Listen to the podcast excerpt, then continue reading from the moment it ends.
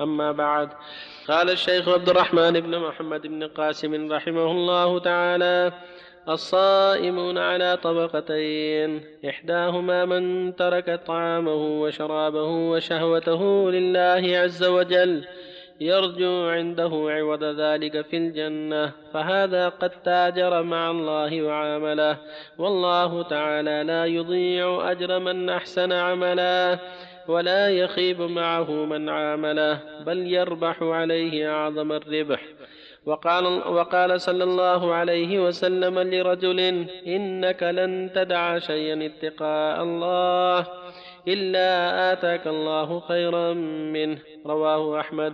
فهذا الصائم يعطى في الجنة ما شاء من طعام وشراب ونساء. قال تعالى كلوا واشربوا هنيئا بما أسلفتم في الأيام الخالية. قال مجاهد وغيره نزلت في الصائمين.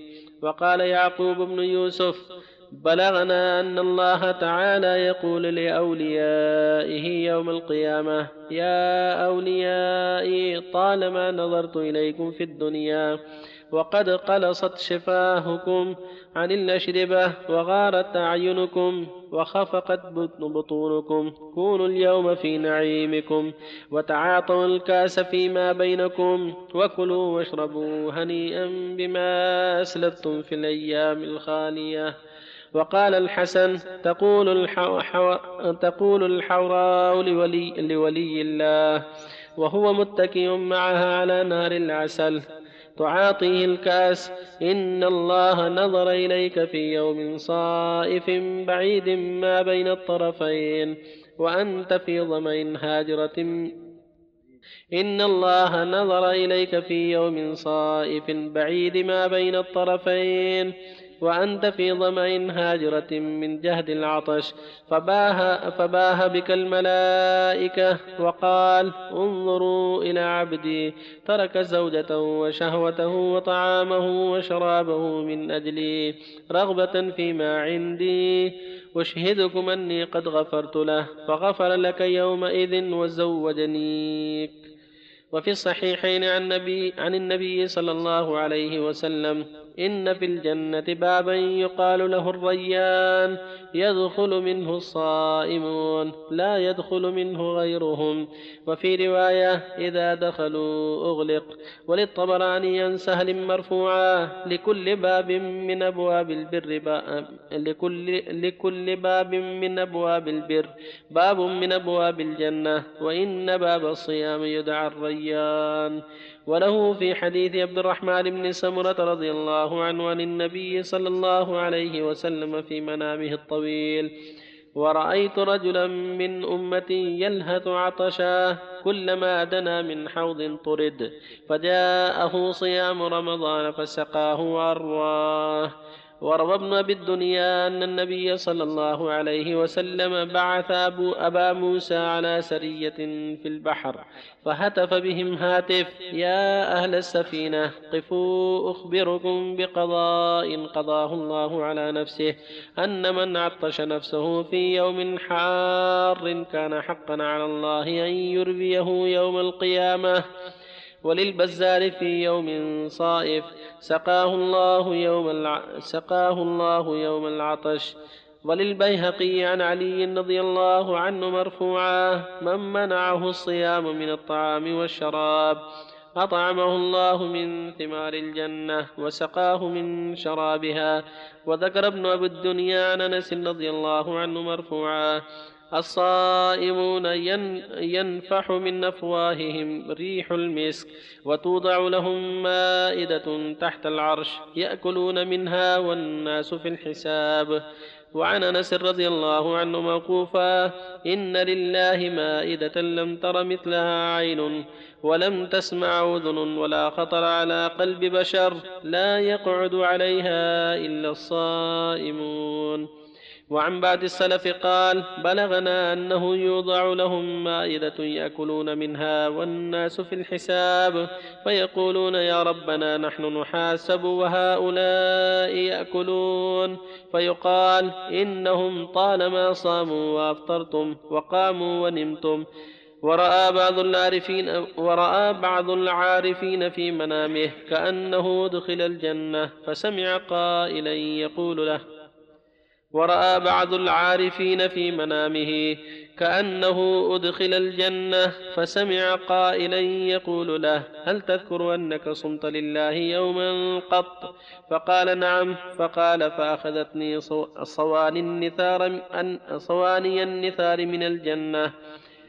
فأخذتني صوان النثار من الجنة ومن ترك في الدنيا لله طعاما وشرابا مدة يسيرة عوضه الله عنه طعاما وشرابا وشرابا لا ينفد وأزواجا لا تمتن أبدا. شهر رمضان فيه يزوج الصائمون فيه يزوج الصائمون. في الحديث إن الجنة لتزرخ وتبخ وتبخر من الحول إلى الحول لقدوم شهر رمضان. فتقول الحور يا رب اجعل لنا في هذا الشهر من عبادك أزواجا. تقر أعيننا, أعيننا بهم وتقر أعينهم, أعينهم بنا. وفي حديث آخر إن الحور تنادي في شهر رمضان هل من خاطب إلى الله فيزوجه؟ مهور الحور العين طول التهجد وهو حاصل في شهر رمضان أكثر من غيره. والثانية من الصائمين من يصوم في الدنيا عما سوى الله فيحفظ الرأس وما وعاه والبطن وما حواه. ويذكر الموت والبلاه ويريد الآخرة ويترك زينة الدنيا فهذا عيد فطره يوم لقاء ربه وفرحه برؤيته. يا معشر الصائمين صوموا اليوم عن شهوات الهوى لتدركوا عيد الفطر يوم اللقاء. لا يطولن عليكم الأمل باستبطاء الأجل فإن معظم نهار الصيام قد ذهب وعيد اللقاء قد اقترب. بالله التوفيق الله وصلى الله وسلم على رسول الله وعلى آله وأصحابه. ومن اهتدى به أما بعد فإن الأدلة الشرعية دلت على أن الصائمين طبقتان يعني قسمان. طبقة صامت الصوم الشرعي في رمضان وهكذا في صيامها التطوعات والكفارات عن محارم الله من الطعام والشراب والنكاح وعن محارم الله في رمضان المعاصي فلها أجر عظيم وفضل كبير قد وعدها الله خيرا كثيرا كما قال جل وعلا لأهل الجنة كلوا واشربوا هنيئا بما أسلفتم في الأيام الخالية. يعني بما مضى من صيامكم وأعمالكم الطيبة في الجنة في الدنيا. ويقول جل وعلا في ما تقدم الحديث الصحيح كل عمل ابن آدم له الحسنة بعشر أمثالها. إلى سبعمائة ضعف. إلا الصيام فإنه لي وأنا أجزي به أنه ترك شهوته وطعامه وشرابه من أجلي هذه الطبقة صامت عن الطعام والشراب والنكاح وعن كل ما حرم الله. ترجو ثوابه وتخشى عقابه. فلها عنده النعيم المضيم لها عنده النعيم العظيم. والفضل الكبير في دار النعيم. إذا استقامت على طاعة الله وأدت ما أوجب الله وتركت ما حرم الله وماتت على ذلك. لكونها قدمت ما يرضيه وعملت بطاعته فاستحقت كرامته سبحانه وتعالى. كما قال جل وعلا فأما من أعطى واتقى وصدق فسنيسر يسرا قال تعالى إن المتقين في ظلال وعيون إن المتقين في مقام أمين في جنات وعيون. إن المتقين في جنات وعيون. إن المتقين عند ربهم جنات النعيم. هؤلاء اتقوه فأدوا حقه ففازوا بالنعيم المقيم. ولهم في الجنة ما لا عين رأت ولا أذن سمعت ولا خطر على قلب بشر ولهم الزوجات من الحور العين غير زوجات الدنيا. فالواجب على المؤمن أن يخلص في صيامه وأن يجتهد في صيامه وأن يصون صيامه عما يجرحه وأن يكون في ذلك مخلصا لله راغبا فيما عنده لا رياء ولا سمعة ولا لمقاصد أخرى ولكن يصوم ابتغاء مرضات الله. وحذر عقابه يرجو فضله ويرجو إحسانه ويرجو نعيمه المقيم. ولهذا قال للصائم فرحتان فرحة عند فطره وفرحة عند لقاء ربه. لما يجد من النعيم المقيم عند لقاء ربه والفضل الكبير. الطبقة الثانية صاموا عن محارم الله دائما. مو في رمضان بل في جميع الأوقات. يعني جاهدوا نفوسهم في جميع الأوقات فاستقاموا على طاعة الله وتركوا محارم الله ووقفوا عند حدود الله. فهذه الطبقة أفضل الطبقتين. وأعلاها قدرا لأنها جاهدت نفسها لله في جميع الأوقات. هذا هؤلاء عيد فطرهم يوم لقاء ربهم. فهم صائمون عن محارم الله من قول وعمل. ومؤدون ما أوجب الله واقفون عند حدود الله. هؤلاء هم خيرة المؤمنين وهم السابقون المقربون. وهم الطبقة العليا من طبقات المؤمنين فلهم عند الله المنزلة العالية والفضل الكبير بسبب إخلاصهم وصدقهم وصومهم عن محارم الله يعني كان يكفهم يعني كفهم عن محارم الله وابتغاء واجتهاده في طاعته مع الوقوف عند حدوده يرجون ثوابه ويخشون عقابه. فهؤلاء هم السبق وهم المقدمون من أولياء الله. كما قال جل وعلا ثم أورث الكتاب الذي اصطفينا من عبادنا فمنهم ظالم نفسه ومنهم مقتصد ومنهم سابق بالخيرات بإذن الله. ذلك هو الفضل الكبير. وقال جل وعلا والسابقون السابقون أولئك المقربون في جنات النعيم. قال تعالى فأما من كان المقربين فروح وريحان وجنة نعيم. فالجدير بالمؤمن وبالمؤمنة الحرص والجهاد حتى يكون من هذه الطبقة من طبقة المسارع الخيرات السابقين إلى الطاعات ومجاهدين لأنفسهم في سبيل الله. والذين جاهدوا فينا لنهدينهم سبلنا وإن الله لمع المحسنين.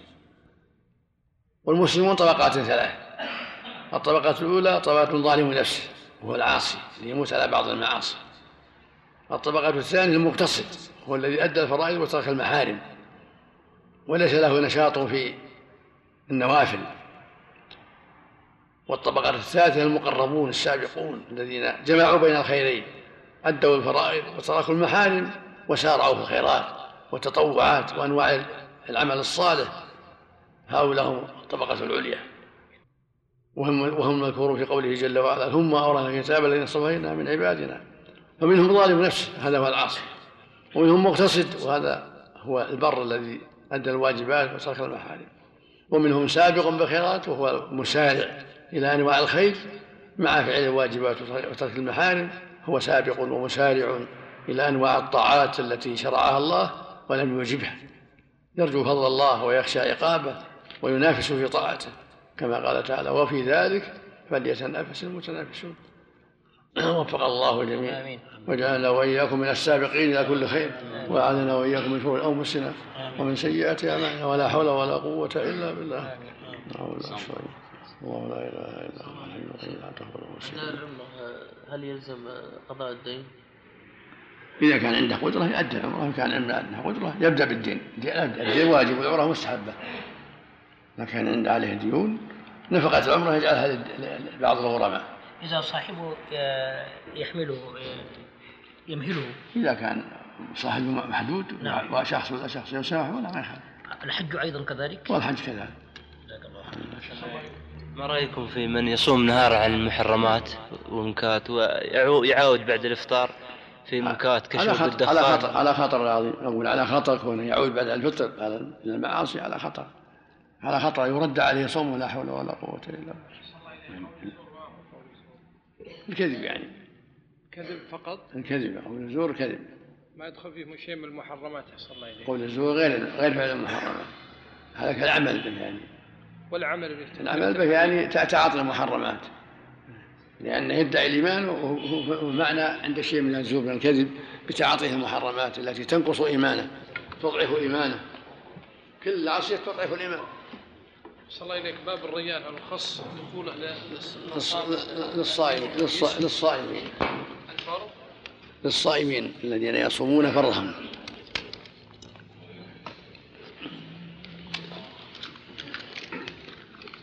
معناه لو أن الإنسان أسلم ولم يصم مات قبل أن يصوم ما يدخل مع الباب يدخل مع الباب الأبواب الأخرى إذا صار من أهل الجنة. والسلام. الله. والمقربون والأخيار يدعون من الأبواب كلها. من جميع الأبواب. مريضة ما يرجى وراءها يا شيخ. ما تصلي يسقط عن التكاليف يا شيخ حتى الصحون. نعم. امرأة يا شيخ شلون النصف يعني؟ ما تتكلم ولا شيء. قاعدة. مع كبر بعد لكن عقلها معها ولا؟ لا. ها؟ لا يا شيخ. ما عليها شيء إذا صار العقل ما عاد لا صوم ولا صلاة. لا تسمع لما تتكلم تتكلم. لا العقل العقل تعقل الأشياء تعقل اللي يضرها واللي ينفعها تأمر بهذا اي في أجل يطعم عنها. عن كل يوم مسكين 15 ساعة للشهر. كله أما بعد قال الشيخ عبد الرحمن بن محمد بن قاسم رحمه الله تعالى قوله تع... قوله ولخلوف فم الصائم أطيب عند الله من ريح المسك خلوف فم خلوف الفم رائحة ما رائحة ما يتصاعد منه من الأبخرة لخلو المعدة من الطعام بالصيام وهي رائحة مستكرهة في مشام الناس في الدنيا لكنها أطيب عند الله من ريح المسك حيث كانت ناشئة عن طاعته وابتغاء مرضاته. وفيه معنيان أحدهما أن الصيام لما كان سرا بين العبد وبين ربه في الدنيا أظهره الله في الآخرة علانية للخلق ليشتهر بذلك أهل الصيام ويعرفون بصيامهم بين الناس جزاء لإخفاء صيامهم في الدنيا. وعن أنس رضي الله عنه مرفوعا يخرج الصائمون من قبورهم يعرفون بريح أفواههم ريح أفواههم أطيب من ريح المسك. رواه الأصبهاني وفي إسناده ضعف. قال مكحول يروح أهل الجنة يروح أهل الجنة برائحة فيقولون ربنا ما وجدنا ريحا منذ دخلنا الجنة أطيب من هذه الرائحة. فيقال هذه رائحة أفواه الصائمين. وقد تفوح رائحة الصيام في الدنيا فتستنشق قبل الآخرة وهي نوعان. أحدهما ما يدرك بالحواس الظاهرة. كان عبد الله بن غالب من العباد المجتهدين في الصلاة والصيام. فلما دفن كان يفوح من تراب قبره رائحة المسك فرؤي في المنام فسئل عن تلك الرائحة التي توجد من قبره فقال تلك تلك رائحة التلاوة والظمأ. والثاني ما تستنشقه الأرواح والقلوب. فيوجب ذلك للصائمين المخلصين المودة والمحبة في قلوب المؤمنين. وفي حديث الحارث الأشعري رضي الله عنه عن النبي صلى الله عليه وسلم أن يحيى بن زكريا عليه السلام قال لبني إسرائيل وآمركم بالصيام فإن مثل ذلك كمثل رجل في عصابة معه صرة فيها مسك فكلهم يعجبه ريحه وإن ريح الصائم يطيب عند الله من ريح المسك. رواه الترمذي وغيره. وفي الحديث ما أسر عبد سريرة إلا ألبسه الله رداءها علانية المعنى, الثاني أن من عبد الله وأطاعه وطلب رضاه في الدنيا بعمل فنشأ من عمله آثار مكروهة للنفوس في الدنيا فإن تلك الآثار غير مكروهة عند الله بل هي مستحبة محبوبة له وطيبة عنده لكونها نشأت عن طاعته واتباع مرضاته فإخباره بذلك للعاملين في الدنيا فيه تطيب لقلوبهم لئلا يكره منهم ما وجد في الدنيا. ورد حديث مرسل كل شيء ناقص في عرف الناس في الدنيا إذا انتسب إلى طاعته ورضاه فهو الكامل في الحقيقة. خلوف فم الصائم أطيب من ريح المسك نوح المذنبين على أنفسهم من خشيته يفضل من من التسبيح. انكسار المخبتين لعظمته هو الجبر. ذل الخائفين من سطوته هو العز. جوع الصائمين لأجله هو الشبع عطشهم في طلب مرضاته هو الري نصب, نصب المجتهدين في خدمته هو الراحة. لما سلسلت الشياطين في, في شهر رمضان وخمدت نيران الشهوات بالصيام انعزل سلطان الهوى وصارت الدولة لحاكم العقل فلم يبق للعاصي عذر. يا غيوم الغفلة تقشعي يا شموس التقوى والإيمان اطلعي يا صحائف أعمال الصالحين ارتفعي. يا قلوب يا قلوب الصالحين اخشعي. يا أقدام المجتهدين اسجدي لربك واسجد واركعي. يا عيون المتهجدين لا تهجعي. يا ذنوب التائبين لا ترجعي. بالله صلى الله وسلم على رسول الله وعلى آله وأصحابه من اهتدى بهداه. أما بعد فهذه الآثار والحديث فيما يتعلق برائحة الصيام كلها فيها التشجيع للصائمين والترغيب لهم بالصيام وأن ما قد يظهر من النقص في عرف الناس أو في مشام الناس من من آثار الطاعة فهو محبوب محبوب من الله ومرضي له سبحانه وتعالى. فهو سبحانه يحب من عباده أن يجتهدوا في عبادته وأن يخلصوا له العمل. وأن يعاملوه بينهم وبينه سرا يرجون رحمته ويخشون عقابه جل وعلا. فإذا حصل من رائحة الصوام ما قد يستنكره الناس أو ينفر منه الناس فهو محب عند الله لأنه نشأ عن طاعته. ولهذا في الحديث الصحيح خلوف من الصائم يطعم عند الله من ريح المسك. والخلوف ما يتصاعد من الجوف عند قلة عند قلة الطعام أو عدم الطعام. قد يكون مذموما في مشام الناس ولكنه عند الله رفيع وعظيم لأنه مشى عن طاعته كما أنه سبحانه يحب من عباده أن يخافوه وأن يذلوا لعظمته وأن ينكسروا لجبروته وأن يخافوه ويرجوه كل ذلك محبوب له سبحانه وتعالى. فالمؤمن يجب أن يكون هكذا ذليلا بين يدي الله متواضعا راغبا فيما عند الله خائفا وجلا مشفقا. يخشى شر ذنوبه ويخشى ربه ويخاف عاقبة معاصيه. لا يمن على ربه بعمله ولا يأمن ولا يتكبر بل يكون بين يد ربه ذليلا منكسرا يرجو رحمته ويخشى عقابه سبحانه وتعالى. كما قال جل وعلا إن الذين هم بآيات ربهم يؤمنون والذين هم بربهم لا يشركون والذين يؤتون ما آتوا وقلوبهم وجلة أنهم إلى ربهم راجعون. أولئك يسارعون الخيرات وهم لها سابقون. هكذا أولياء الله. عندهم الإيمان والخوف والحذر والخشية لله والمسابقة. قال تعالى إنهم كانوا يعني الأنبياء والصالحين يسارعون في الخيرات ويدعون رغبا رهبا وكانوا لنا خاشعين. وقال جل وعلا في حق خلفاء الرسل ذلك لمن خاف مقامي وخاف وعيدي. قال جل وعلا إن الذين يخشون ربهم بالغيب لهم مغفرة وأجر كبير. قال سبحانه ولمن خاف مقام ربه جنتان. قال تعالى إنما يخشى الله من عباده العلماء والعلماء هم الرسل وأتباعهم.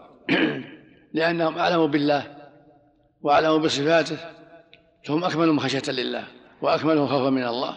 الرسل والأنبياء وخلفائهم من علماء الحق هم أخشى الناس لله. كل مسلم يخشى الله. كل مسلم وكل مسلمة يخشى الله. لكن كل ما زاد العلم زادت الخشية لله. فالرسل أعلم الناس بالله؟ وهم أكمل الخشية. كما قال صلى الله عليه وسلم أما والله إني لأخشاكم لله وأتقاكم له وهكذا العلماء علماء الحق علماء الهدى هم أخشى الناس لله بعد الأنبياء.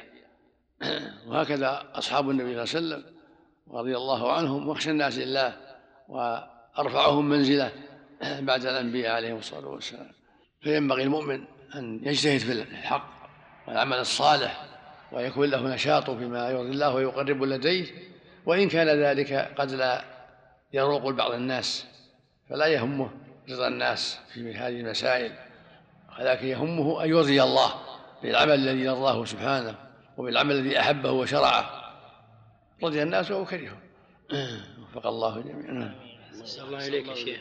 هل الإنسان لو استعمل معجون أسنان بقصد يعني أنه يكون رائحة فمه يعني طيبة وكذا هل يحرم من الأجر أحسن الله إليك؟ لأنه هذا بالخلوف أحسن الله لا. ما هو يفعل بعض الشيء هذا يخفف بعض الشيء ولا الخلوق يتصاعد كل ساعة. نعم الله إليك. لكن مثل هذا قد يخفف الشيء. فإذا فعل فلا بأس. تمضمض بالصابون بالإشنان بها بهذه الأشياء المعمولات يعملونها. ما يضر. أحسن الله إليك. أحسن الله عليك امرأة النفساء. نعم. امرأة النفساء الحافظ. تراجع من كتاب التفسير حتى لا تنسى القرآن. أحسن الله عليك نعم. المرأة النفساء. الص- الصحيح لا بأس أن تقرأ. إذا خشي نسيانه والحائض كذلك. تمس القرآن. لأنه مو- ليسوا مثل الجنوب. الجنوب مدة قصيرة. يغتسل ويقرأ. لكن مدة الحائض طويلة. والنفاس أطول وأطول. فلا حرج في أن يقرأ القرآن. لا حرج. لكن لا سيما إذا كانت تحفظانه أما إذا كانت تحفظانه فهو من وراء من وراء حائل في القفازين يكون يكون من وراء حائل. أقول تمس المصحف من وراء الحائل من وراء القفاز آه. الحجامة تفطر يا شيخ. الصحيح إنها تفطر ستة. أسداس. أسداس. أفضلها السدس الرابع والخامس. جزاك الله. وهو محل قيام داود. كان يقوم نصف الليل وينام نصف الليل ها؟ كان ينام نصف الليل ويقوم ثلثه وينام سدسه الأخير يعني. ما شاء الله. وين وين تهجد في الثلث الأخير؟ كفى. طيب الثلث الأخير. بارك الله فيك يا شيخ. جزاك الله خير. وهذا يختلف فيها. يطول الليل ويقصر. يقصر ها؟ الليل يطول ويقصر على حسب طول الليل نعم. ويقصر. بارك الله فيك يا شيخ. أم هو واجب الصحيح؟ نعم. الواجب خمس الظهر العصر المغرب العشاء إيه، الفجر الجمعة بس هذا واجب. يعني سنة مؤكدة يعني؟ سنة مؤكدة. نعم. سنة مؤكدة يعني. نعم. طيب آه ما في يعني واجب إلا خمس صلوات. طيب آه، يعني ما عندنا عقوبة إذا أتركوها؟ لا يعقوب. بارك الله فيك. تركها ما يكون ما يخشى على صاحبه الذي يتركه. لا لا ما هو. مرة بالكلية نافلة. يعني نافلة نافلة مؤكدة. الإنسان لو تعمد إلى تركها. ما ما عليه شيء. ما له شيء؟ ما عليه شيء. جزاك الله خير. والسنة عموما هكذا؟ كل النوافل يثاب فاعلها ولا يعاقب تاركها جزاك الله خير. أما بعد قال الشيخ عبد الرحمن بن محمد بن قاسم رحمه الله تعالى فصل في فضل الجود في رمضان وتلاوة القرآن. في الصحيحين عن ابن عباس رضي الله عنهما قال كان رسول الله صلى الله عليه وسلم أجود الناس وكان أجود ما يكون في رمضان حين يلقاه جبرائيل فيدارسه القرآن. وكان جبرائيل يلقاه كل ليلة من شهر رمضان فيدارسه القرآن. فلرسول الله صلى الله عليه وسلم حين يلقاه جبرائيل أجود بالخير من الريح المرسلة. ورواه أحمد وزاد ولا يسأل شيئا إلا أعطاه. وللبيهقي عن عائشة رضي الله عنها كان رسول الله صلى الله عليه وسلم إذا دخل رمضان أطلق كل أسير وأعطى كل سائل. الجود هو سعة العطاء وكثرته والله تعالى يوصف بالجود. فروى الترمذي عن سعد بن أبي وقاص رضي الله عنه عن النبي صلى الله عليه وسلم إن الله جواد يحب الجود كريم يحب الكرم. وعن الفضيل إن الله تعالى يقول كل ليلة أن أنا الجواد ومني الجود وأنا الكريم ومني الكرم فالله سبحانه وتعالى أجود الأجودين وجوده يتضاعف في أوقات خاصة كشهر رمضان وفيه أنزل قوله تعالى وفيه أنزل قوله تعالى وإذا سألك عبادي عني فإني قريب أجيب دعوة الداعي إذا دعاني فليستجيبوا لي وليؤمنوا بي لعلهم يرشدون ولما كان الله تعالى جبل نبيه صلى الله عليه وسلم على أكمل الهيات وأشرفها كما في حديث أبي هريرة رضي الله عنه إنما بعثت لأتمم مكارم الأخلاق. كان رسول الله صلى الله عليه وسلم أجود الناس على الإطلاق. كما أنه أفضلهم وأشجعهم وأكملهم في جميع الأوصاف الحميدة. وكان جوده يجمع أنواع الجود. وكان جوده صلى الله عليه وسلم يتضاعف في رمضان على غيره من الشهور. كما أن جود ربه يتضاعف فيه أيضا. وكان صلى الله عليه وسلم يلتقي هو وجبريل في شهر رمضان. هو أفضل الملائكة وأكرمهم ويدارسه القرآن الذي جاء به إليه وهو أشرف الكتب وأفضلها وهو يحث على الإحسان ومكارم الأخلاق. وقد كان هذا الكتاب الكريم له صلى الله عليه وسلم خلق بحيث يرضى لرضاه ويسخط لسخطه ويسارع إلى ما حث عليه ويمتنع عما زجر عنه. فلهذا كان يتضاعف جوده وإفضاله في هذا الشهر لقرب عهده بمخالطة جبرائيل وكثرة مدارسته له هذا الكتاب الكريم الذي يحث على مكارم على المكارم والجود. ولا شك أن المخالطة تؤثر وتورث أخلاقا من المخالط. وفي تضاعف جوده صلى الله عليه وسلم في رمضان بخصوصه فوائد كثيرة منها شرف الزمان ومضاعفة أجر العمل فيه. وفي الترمذي عن أنس رضي الله عنه مرفوعا أفضل الصدقة صدقة رمضان. ومنها إعانة, ومنها إعانة الصائمين والذاكرين على طاعتهم فيستوجب المعين لهم مثل أجورهم. كما أن من جهز غازيا فقد غزاه ومن خلفه في أهله بخير فقد غزاه. وفي حديث زيد بن خالد رضي الله عنه عن النبي صلى الله عليه وسلم قال من فطر صائما فله مثل أجره من غير أن ينقص من أجر الصائم شيء. رواه أحمد والترمذي ورواه الطبراني عن عائشة رضي الله عنها وزاده. وما عمل الصائم من أعمال البر إلا كان لصاحب الطعام ما دامت قوة الطعام فيه.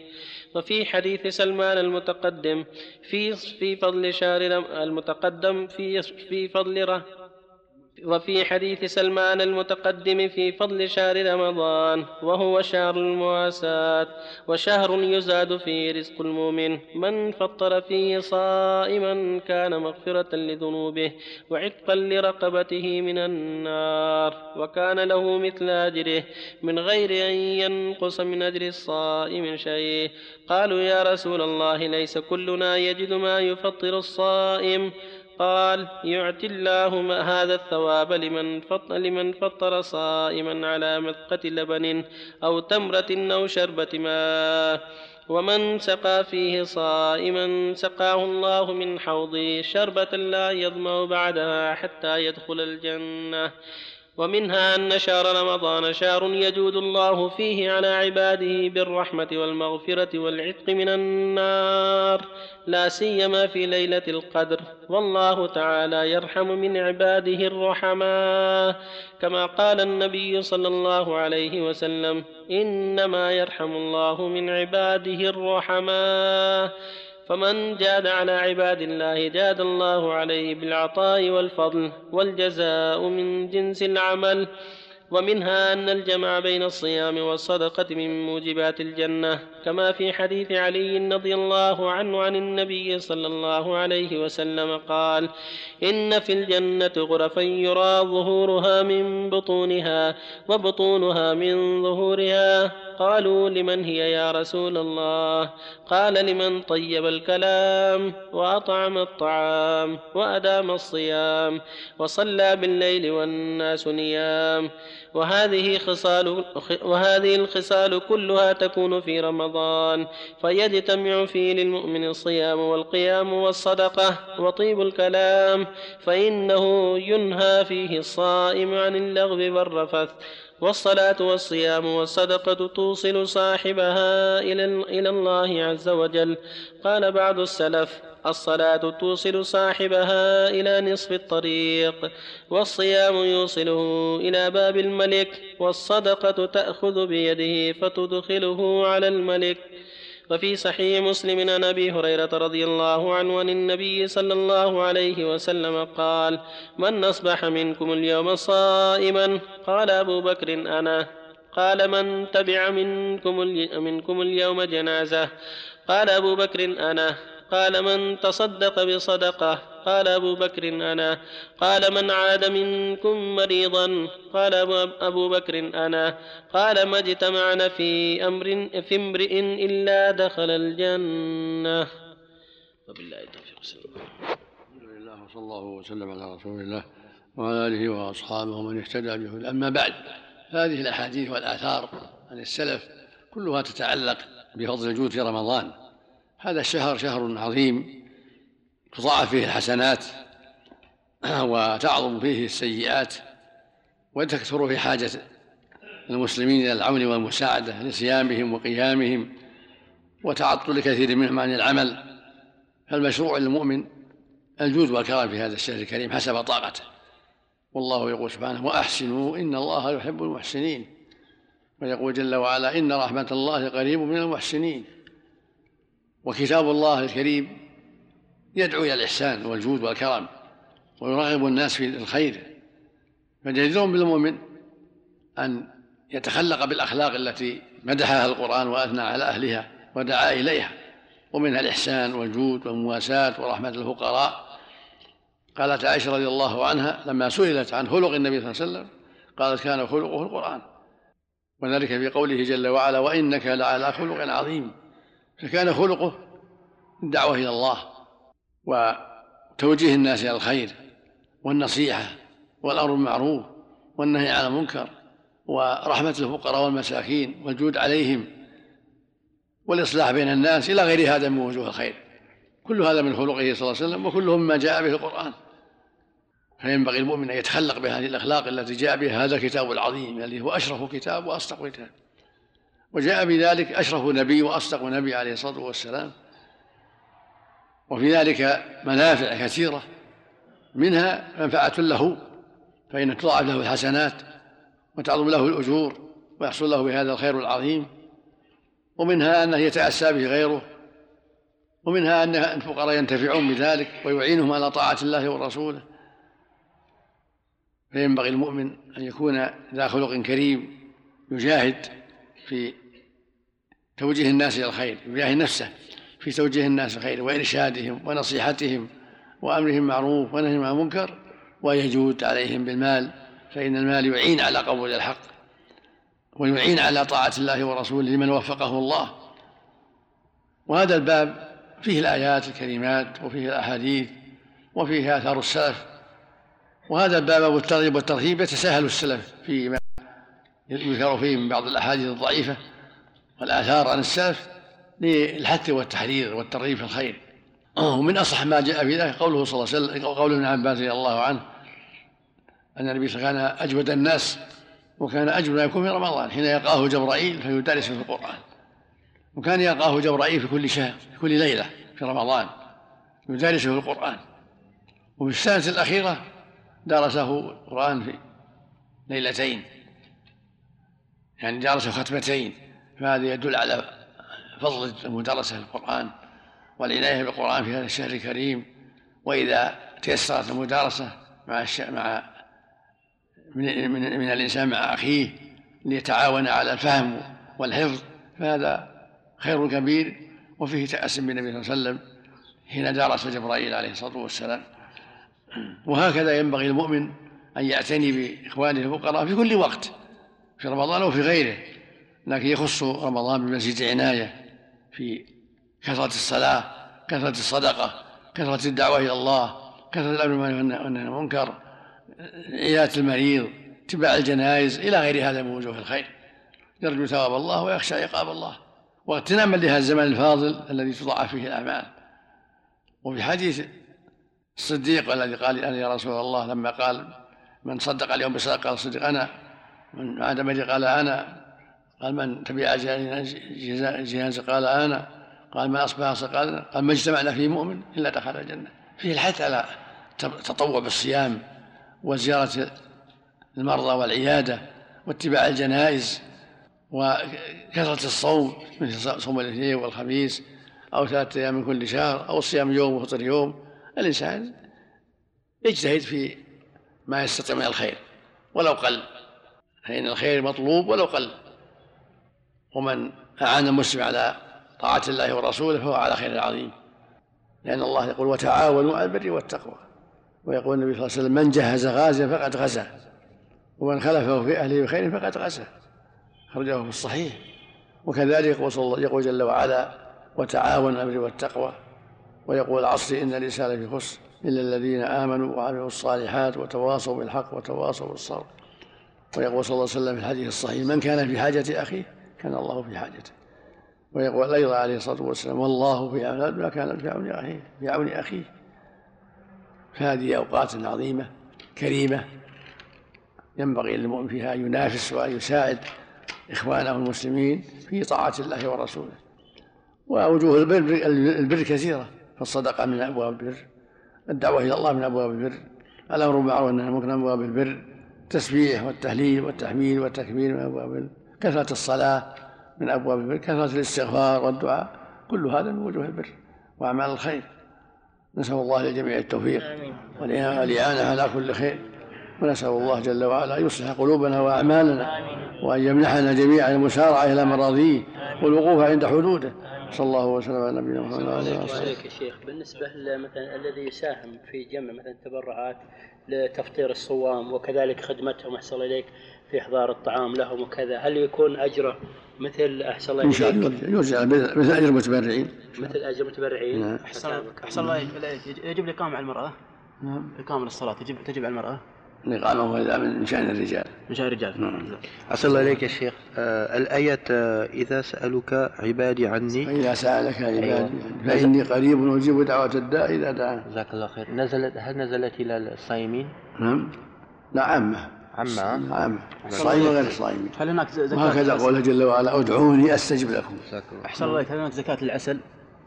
إذا أريد به التجارة. التجارة يحسب قيمته الأصلية وقيمة إذا. أراد به التجارة يقوم كل سنة. يقوم اللي عنده. يعني. قيمته الأصلية؟ اللي عنده اللي عنده. قيمة شراء اللي يسوى في السوق. اللي يسوى في السوق. نعم. أحسن الله عليك. أما إذا قبض لنفسه وأكله ما في شيء. أحسن الله عليك الخس أنا. أفضل الصدقة في رمضان. صحيح؟ ما ما أعرف عن حسنه يروى صيغة التبيين حتى يضاف في سنده. أحسن الله عليك أحسن الله إليك دوي نعم جزاك الله. جزاك الله. أحسن الله إليك يا شيخ. من النار الجنة عند قراءة الإمام. واجب آه، تجوز في النفل أو في النفل النفل فقط ها؟ إذا إذا دعاه تدعو. وإذا وإذا استمر تنصت. في الفرض ما تركها لا. تنصت. والدعاء في السجود. في الفرض. الدعاء في عام في. الفرض والنفل. سنة الدعاء في السجود في الفرض والنفل. جزاك الله خير. يا شيخ أحسن الله عليك يزكى؟ ثم؟ المال السلف. إذا سلفت. اللي عنده مال يزكي. لا أموال الناس مسلفين تزكيها أنت وهي سلف عندهم؟ يعني انت مسلفهم إي نعم يا إذا شيخ. كانوا مليين زكي وان كانوا معسرين ما, ما يلزم.